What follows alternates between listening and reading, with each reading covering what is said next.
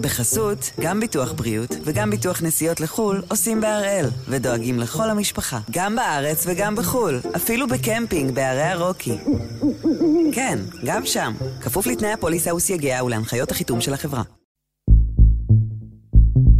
היום יום שני, 13 במרץ, ואנחנו אחד ביום, מבית N12.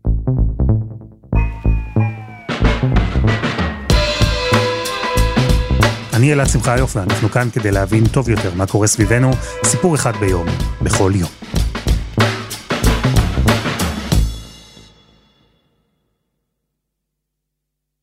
רבבות בני אדם יצאו לרחובות עם דגלים, עם שלטים, עמדו מול שוטרים, הם יצאו למחות נגד חוק חדש שהממשלה תכננה להעביר, חוק שהם, המפגינים, טענו שייתן לממשלה כוח בלתי מוגבל, שהוא חוק אנטי דמוקרטי, דיקטטורי. הם יצאו להפגין ברחובות כשכל העולם עוקב אחריהם. בקטע וידאו אחד שפורסם בימים האחרונים מהפגנה כזו, אפשר לראות אישה מחזיקה דגל, מנופפת בו ברחוב, מולה מכתזית שירתה לעברה מים. לצד האישה הגיע פתאום בריצה גבר, הוא החזיק אותה ותמך בה. אחר כך הגיעו עוד שניים, הם תמכו בה מהצד השני. קבוצה שלמה התאספה שם, כולם עמדו מאחורי האישה ומאחורי הדגל, עשו הכל כדי לעמוד יציבים אל מול הזרם החזק. האנשים האלה הפגינו, והאנשים האלה ניצחו, לפחות בינתיים.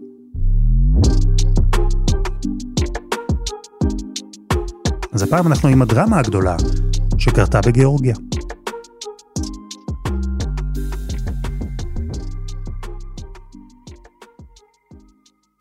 ערד ניר, שלום. שלום אלעד. ספר לי על החוק החדש, זה שהצית את המחאה בגיאורגיה. מדובר בחוק אה, שמתורגם אה, כחוק הסוכנים הזרים, או סוכנים של אה, השפעה זרה, תלוי מה מקור התרגום. החוק הזה למעשה דורש מכל ארגון חברה אזרחית או כלי תקשורת בגיאורגיה, ש... קצת יותר מחמישית מתקציבו, יותר מ-20% מהתקציב, ממומנים מגורם זר שמחוץ לגיאורגיה, האיחוד אירופי, משקיעים אמריקאים או כל אחד אחר.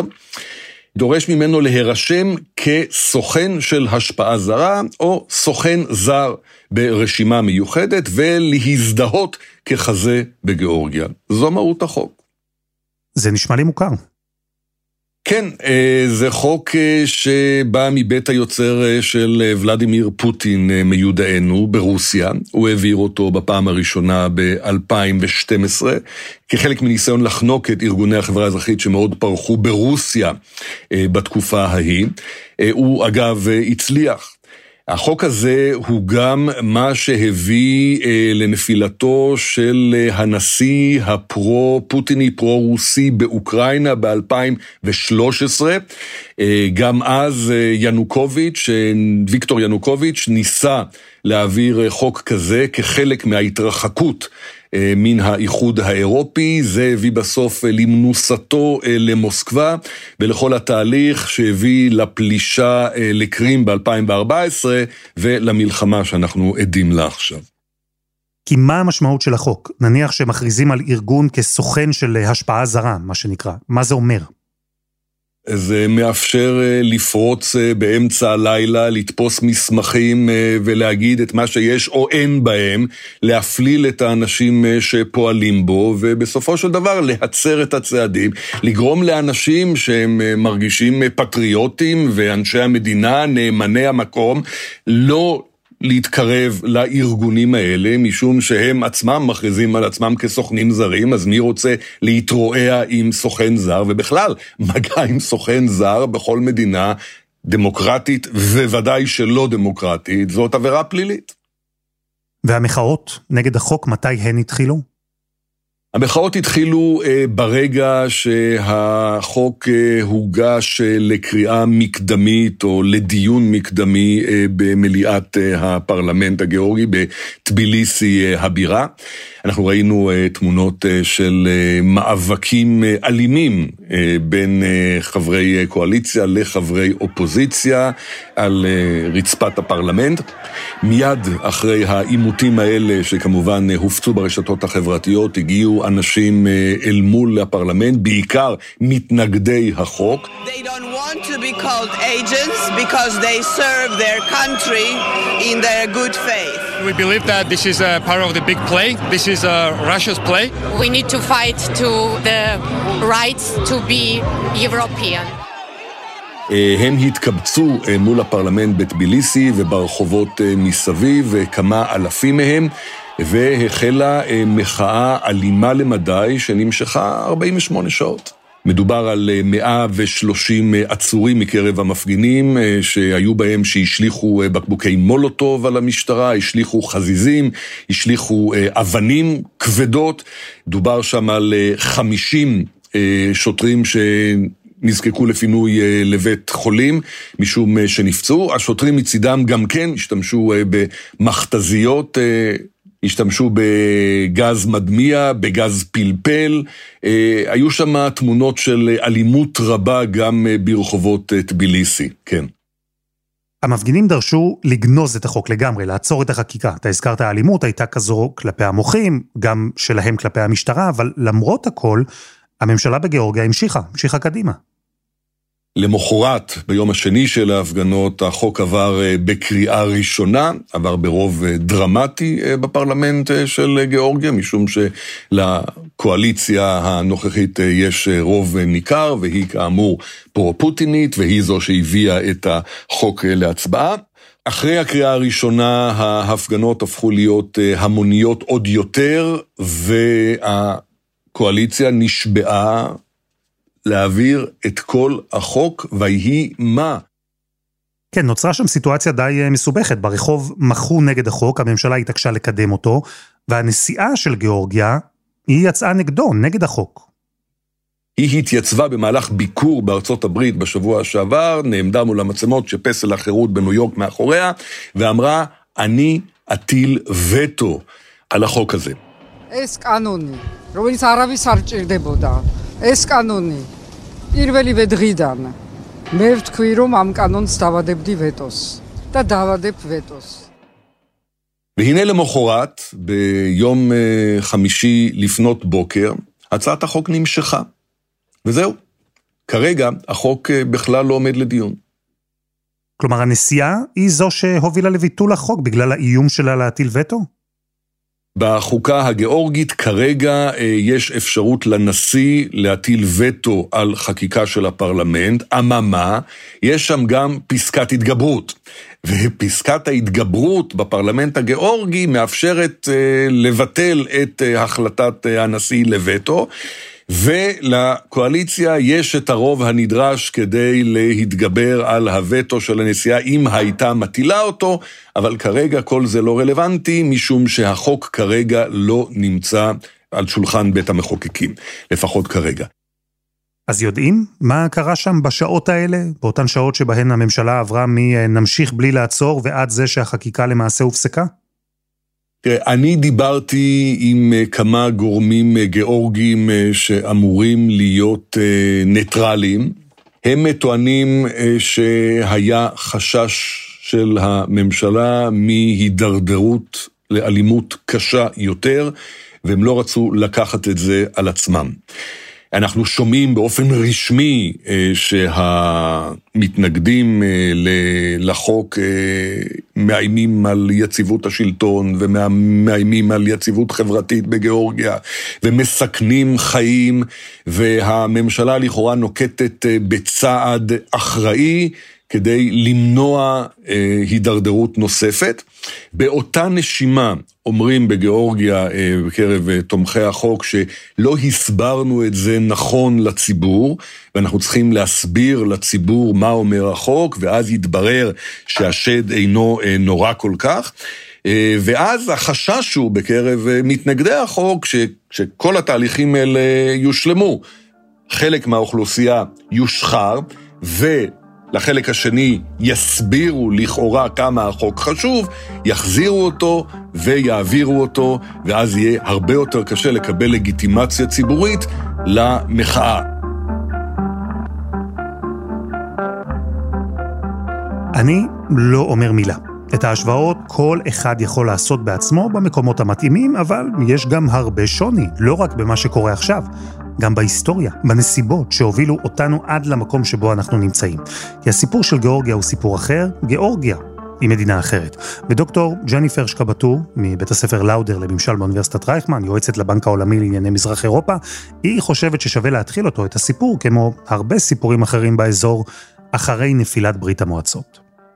מדינה קטנה, גודל בערך פי שלוש מישראל, אוכלוסייה ארבעה מיליון איש, מדינה מאוד ענייה ללא משאבי טבע. אה, אבל עם אה, זהות לאומית מאוד מופגנת, גם בתקופה של ברית המועצות. אה, מדינה שבשנות התשעים למעשה הייתה איזושהי מדינת חסות גרורה של רוסיה. וב-2003 היא הייתה הראשונה שהתחילו במהפכות הצבאיים, ה-color revolutions, שסחפו את מדינות ברית המועצות לשעבר, ואז גם עלה אה, מיכאיל סאקשווילי, שהיה באותו זמן עורך דין צעיר שקיבל השכלה אמריקאית וחזר לגיאורגיה כדי להפוך אותה למדינה פרו-מערבית, כדי למשוך אותה לאירופה. סקשווילי הנהיג את מהפכת הורדים, אותה תנועה בגיאורגיה שנאבקה נגד הממשלה הפרו-רוסית, המושחתת, תנועה שחבריה פרצו לפרלמנט כשהם אוחזים ביד ורדים אדומים. זו הייתה מהפכה לא אלימה, מהפכה שהעלתה את סקשווילי לשלטון. אחת הבעיות המאוד גדולות של גיאורגיה לאורך השנים הייתה בעיית השחיתות. כלומר, היה ידוע שמי ש, מי שרוצה לקנות כרטיס לרכבת, לקבל טיפול בבית חולים, להגיע לבית ספר, להירשם לגן, כל שירות ציבורי שאנחנו יכולים לחשוב עליו, צריך היה לשלם עליו, צריך היה להכיר את האדם הנכון, ואז ככה להגיע לדברים, ואותו סאקשווילי שהיה ממובילי המהפכה ב-2003, חרט על דגלו את הלוחמה בשחיתות. ולמעשה הוא רצה להביא את גיאורגיה מהמצב המאוד מאוד נכשל שלה לאורך השנים, ללא, כאמור, ללא כלכלה של, של ייצוא, ללא אה, מוסדות שלטוניים, הוא רצה להביא אותה למצב של מועמדת לאיחוד האירופי. סקשווילי הוא מה שנקרא מנהיג פרו-מערבי. הוא רצה לקחת את גיאורגיה כולה לכיוון המערב. הוא רצה למגר את כל אותן תופעות שליליות שגיאורגיה ירשה משנים של שלטונות מסואבים ומושחתים. הדבר המדהים זה שמבחינת האג'נדה שלו, הוא כנראה הצליח. אה, הוא מיגר את השחיתות בגיאורגיה בצורה פנומנלית. אה, איך הוא עשה את זה? הוא למשל פיטר כמעט את כל השוטרים ואת כל שוטרי התנועה שהיו במדינה, וגייס חדשים. הוא הטיל קנסות ענק על uh, כל נותני השירותים שאפילו נחשדו בזה שהם דיברו על uh, לתת שוחד. כל השחיתות ברמות הנמוכות של מתן שירותים נכחדה לגמרי, אה, הוא הקים בנייני ממשל שקופים, גם כסמל של שקיפות, כן? אה, בניין המשטרה אה, היה שקוף, בניין הפרלמנט בטביליסי, בניין מאוד מאוד יפה, אדריכלית, גם הוא שקוף, ולמעשה מיגר את התופעה הזאת, לצד זה פישט מאוד את כל עניין הרגולציה, זיכיונות, תשלום מיסים, הפך את גיאורגיה לאחד המקומות שהכי נוח ופשוט לעשות בו עסקים בכל אירופה. בשנים שבהן היה אה, בשלטון, גיאורגיה הגיעה למקום השביעי באירופה, כל אירופה, מבחינת הנוחות של עשיית עסקים והיעדר שחיתות. זה נשמע מאוד מרשים. אז זה נשמע כמו איזשהו חלום, כן, של איך בן אדם אחד יכול לקחת מדינה קטנה וחלשה ולמשוך אותה אל אה, גן העדן. אבל הבעיה הייתה שאת אה, כל הדברים האלה הוא עשה בצורה שהיא פחות דמוקרטית. אה, הוא היה מאוד מאוד אוטוריטרי, הוא הואשם בעינויים של ה... המתנגדים שלו אה, הואשם בזה שהוא לא מוכן לקבל שום ביקורת, הוא הואשם גם בזה שאומנם הוא מיגר את השחיתות ברמת נותני השירותים הקטנים, אבל השחיתות הפוליטית הגדולה אה, דווקא צמחה תחתיו, וגם היו הרבה אנשים שהיה להם קשה עם הנסיבות החדשות, וככה כאנקדוטה אמרו אותו בניין משטרה שקוף, אה, חם בו בקיץ וקר בו בחורף והולך הרבה יותר, צריך להקצות הרבה יותר משאבים על לקרר ולחמם אותו. כלומר, אה, היו הרבה כאלה שהרפורמות האלה היו אה, קשות להם. הבניינים השקופים של סאקשווילי, אלו שאחר כך התברר שהם לא יעילים, לא נוחים, הם כנראה הדוגמה הכי טובה למה שקרה שם. רצון לשנות לטובה, אבל התנהלות מאוד מאוד בעייתית כדי לעשות את זה. וכמובן ששינוי לטובה הוא דבר יחסי. מה שטוב לסאקשווילי, מה שטוב למערב, הוא ממש לא טוב לרוסיה. רוסיה שראתה את הכיוון הברור שאליו צועדת גיאורגיה, ואחרי תקופה של מתיחות, החליטה להגיב. באש. זו הייתה מלחמה שבמובן מסוים ראו בה את ה... אולי ככה את הפיילוט של המלחמה של רוסיה באוקראינה, המלחמה פרצה ב-8 באוגוסט 2008, נמשכה סך הכל חמישה ימים, ובזמן הזה רוסיה עשתה את מה שהיא עשתה לאחר מכן גם באוקראינה, היא טענה שיש שני מחוזות בגיאורגיה, אה, שהם אה, דוברי רוסית ושהם למעשה אה, לא מקבלים את הייצוג שמגיע להם, שדוברי רוסית שם לא מספיק, הזכויות שלהם מוגנות. רוסיה פולשת לגיאורגיה בטענה שהיא חייבת להגן על התושבים שלה שחיים באותם אזורים. ובמלחמה הזאת למעשה גיאורגיה לא מפסידה לגמרי את האזורים האלה, אבל הם הופכים לאזורים שהם ככה, אה, הסטטוס שלהם לא ברור, רוסיה מכירה באוטונומיה שלהם, אף אחד אחר לא מכיר, זה הכל נשמע כמו אזור הדונבאס באוקראינה, ולא בכדי, זה בדיוק אותה אסטרטגיה של רוסיה, שלמעשה הובילה את גיאורגיה למצב של, אה, שבו היה קשה מאוד למשול באופן כללי, כשלמעשה שליש מהמדינה אה, נמצא תחת שליטה, השפעה רוסית, בוודאי לא תחת השפעה אה, גיאורגית. זו הייתה מלחמה קצרה, בטח ביחס לזו שאנחנו רואים בשנה האחרונה באוקראינה, אבל היו לה למלחמה הזו השלכות גדולות עד היום. התהליך לצירוף גיאורגיה לנאט"ו הוקפא. היחסים בין גיאורגיה לרוסיה, לפחות הרשמיים, הופסקו. לגיאורגיה עד היום אין יחסים דיפלומטיים עם רוסיה, עד היום אין אה, טיסות ישירות בין גיאורגיה לרוסיה, עד היום אה, שנאה כלפי רוסיה בקרב התושבים, אבל אה, השלטון, בגלל הקשרים לרוסיה, בגלל ה, אה, למעשה הוואקום אולי, מי תומך באותה מדינה קטנה בקווקז בגיאורגיה, דווקא השלטון יותר מתקרב כביכול לרוסיה, בעוד שהתושבים אה, מאוד מאוד מתנגדים. וזה מה שמוביל אה, לאירועים שלשמם התכנסנו. חסות אחת וממש מיד חוזרים.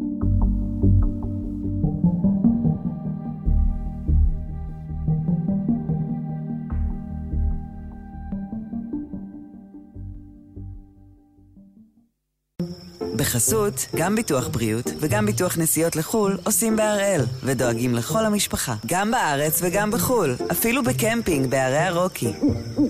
כן, גם שם, כפוף לתנאי הפוליסה וסייגיה ולהנחיות החיתום של החברה. אנחנו עם הדרמה של הימים האחרונים בגיאורגיה, חוק שנוי במחלוקת, מחאות גדולות ואלימות וניצחון, גם אם זמני, למפגינים על פני הממשלה שלהם. המתח הזה התחיל להתעצם כבר בכהונה של הנשיא סקשווילי, כי הוא ניסה למשוך את גיאורגיה לכיוון המערב, ולטענת רבים הוא משך חזק מדי. ותגובת הנגד הגיעה לא רק מרוסיה שפתחה במלחמה קצרה, אחר כך התגובה הזו הגיעה גם מבפנים, מתוך גיאורגיה. לאט לאט הוא uh, התחיל לאבד את מושכות השלטון, עד לכדי כך שלמעשה המ... הוא uh, לא הצליח לקבל מועמדות מטעם המפלגה שלו uh, להתמודד בבחירות, זה היה ב-2013, והוא החליט בצעד פרובוקטיבי שהוא עוזב את גיאורגיה ועובר לאוקראינה.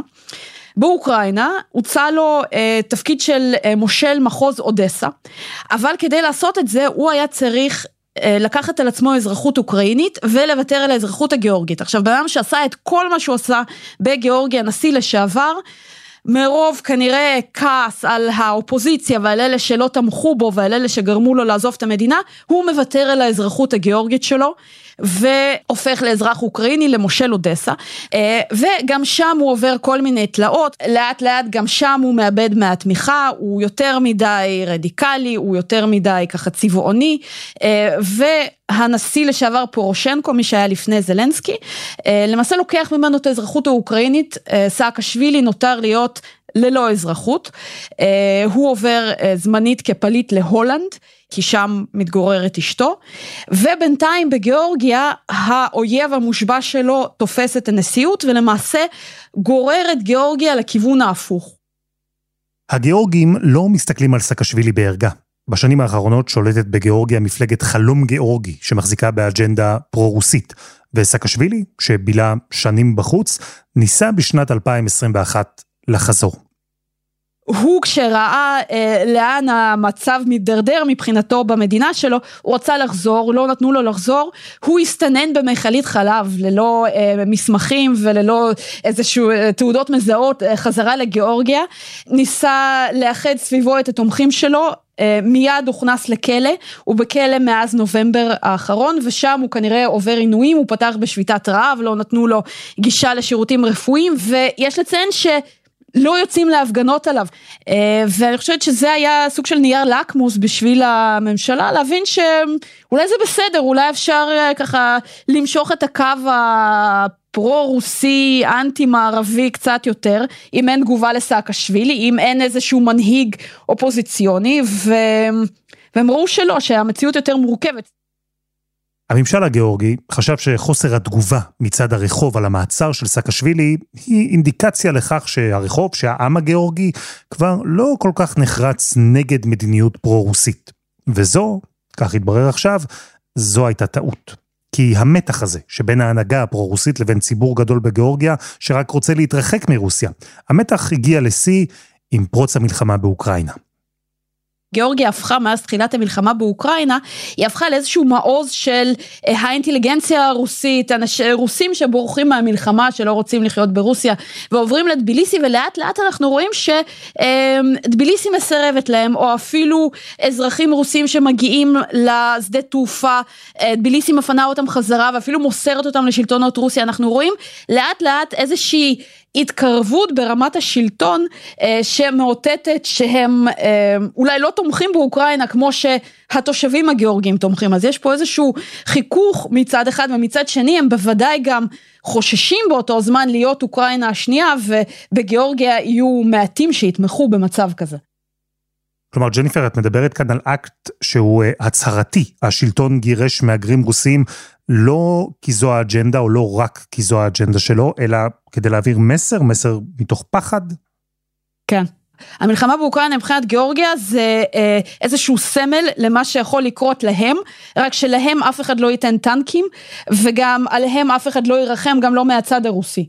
כלומר, ברור להם שאם הם יעשו איזשהו צעד לא נכון, הם יהיו הבאים בתור ואף אחד בכלל לא יתייחס אליהם ולא יעזור להם. אז בואו נחבר את כל הקצוות ביחד. מדינה שההנהגה שלה היא פרו-רוסית, אבל חלקים גדולים בציבור שלה אנטי-רוסים. מנהיגים שחשבו שהעובדה שאין הפגנות ברחוב אחרי שנעצר סקשווילי, זו הוכחה לכך שיש להם מרחב תמרון. וגם מדינה קטנה, שראתה איך השכנה האדירה והענקית שלה מצפון, רוסיה, פלשה לאוקראינה ומנהלת שם מלחמה קשה. אז כשמחברים את כל אלה ביחד, מגיעים לחוק הסוכנים הזרים. חוק שנולד פתאום, בלי שום סיבה נראית לעין, בלי שום גוף או ארגון ספציפי שהיה על הכוונת. וזה גם אה, אחד, אחת הסיבות אולי לחששות, שלא היה איזה טריגר מיוחד, זה היה יותר עניין של אולי איזה עיתוי כזה שהממשלה הרגישה מספיק אה, חזקה, שהאופוזיציה הייתה חלשה, סאקשווילי בכלא ואף אחד לא מתנגד לזה יותר מדי, אה, הוא מאותת שהוא שובת רעב ועל סף מוות ואף אחד לא מתרגש לזה, אולי הם הרגישו מספיק חזקים. יכול להיות שגם הם אה, בזה רצו לשלוח איזשהו אות לרוסיה, שתראו אנחנו איתכם.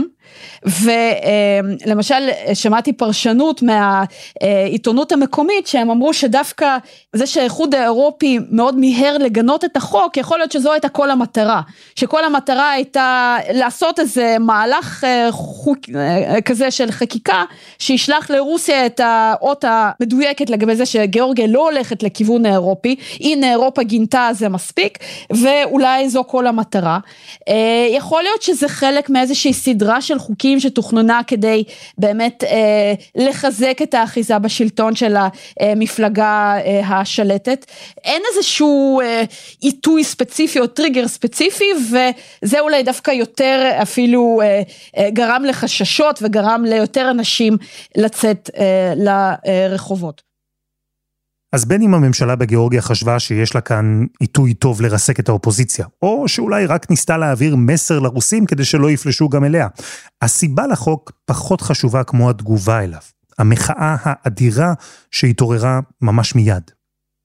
אני חושבת שעוצמת המחאה בדיוק אה, מפגינה את עוצמת האמוציות במדינות ברית המועצות לשעבר שהן אה, צופות מהצד במה שקורה באוקראינה, ומצד אחד מאוד מאוד חרדות להיות באותו מצב, מצד שני חרדות מהתקרבות לרוסיה כי הם סולדים מרוסיה, במיוחד גיאורגיה שכבר עברה מלחמה.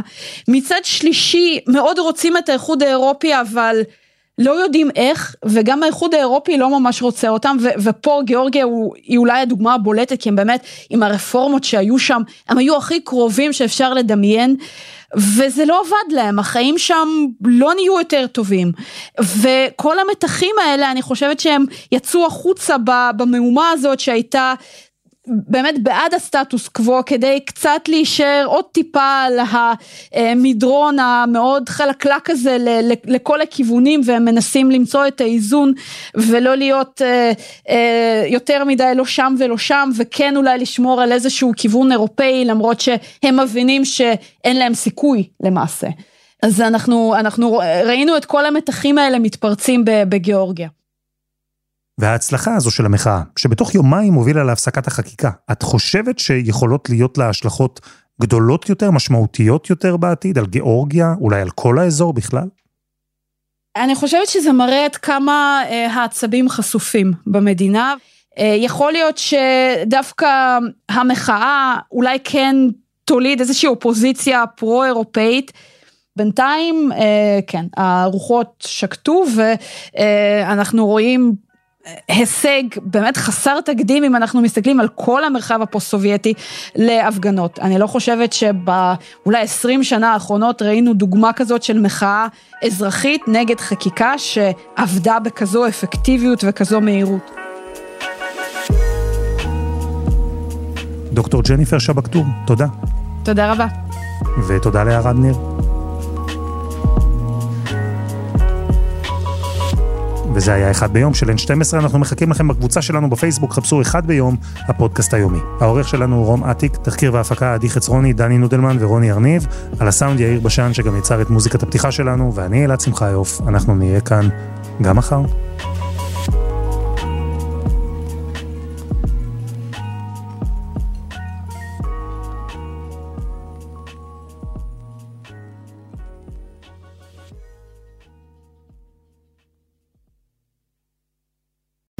בחסות, גם ביטוח בריאות וגם ביטוח נסיעות לחו"ל עושים בהראל, ודואגים לכל המשפחה, גם בארץ וגם בחו"ל, אפילו בקמפינג בערי הרוקי.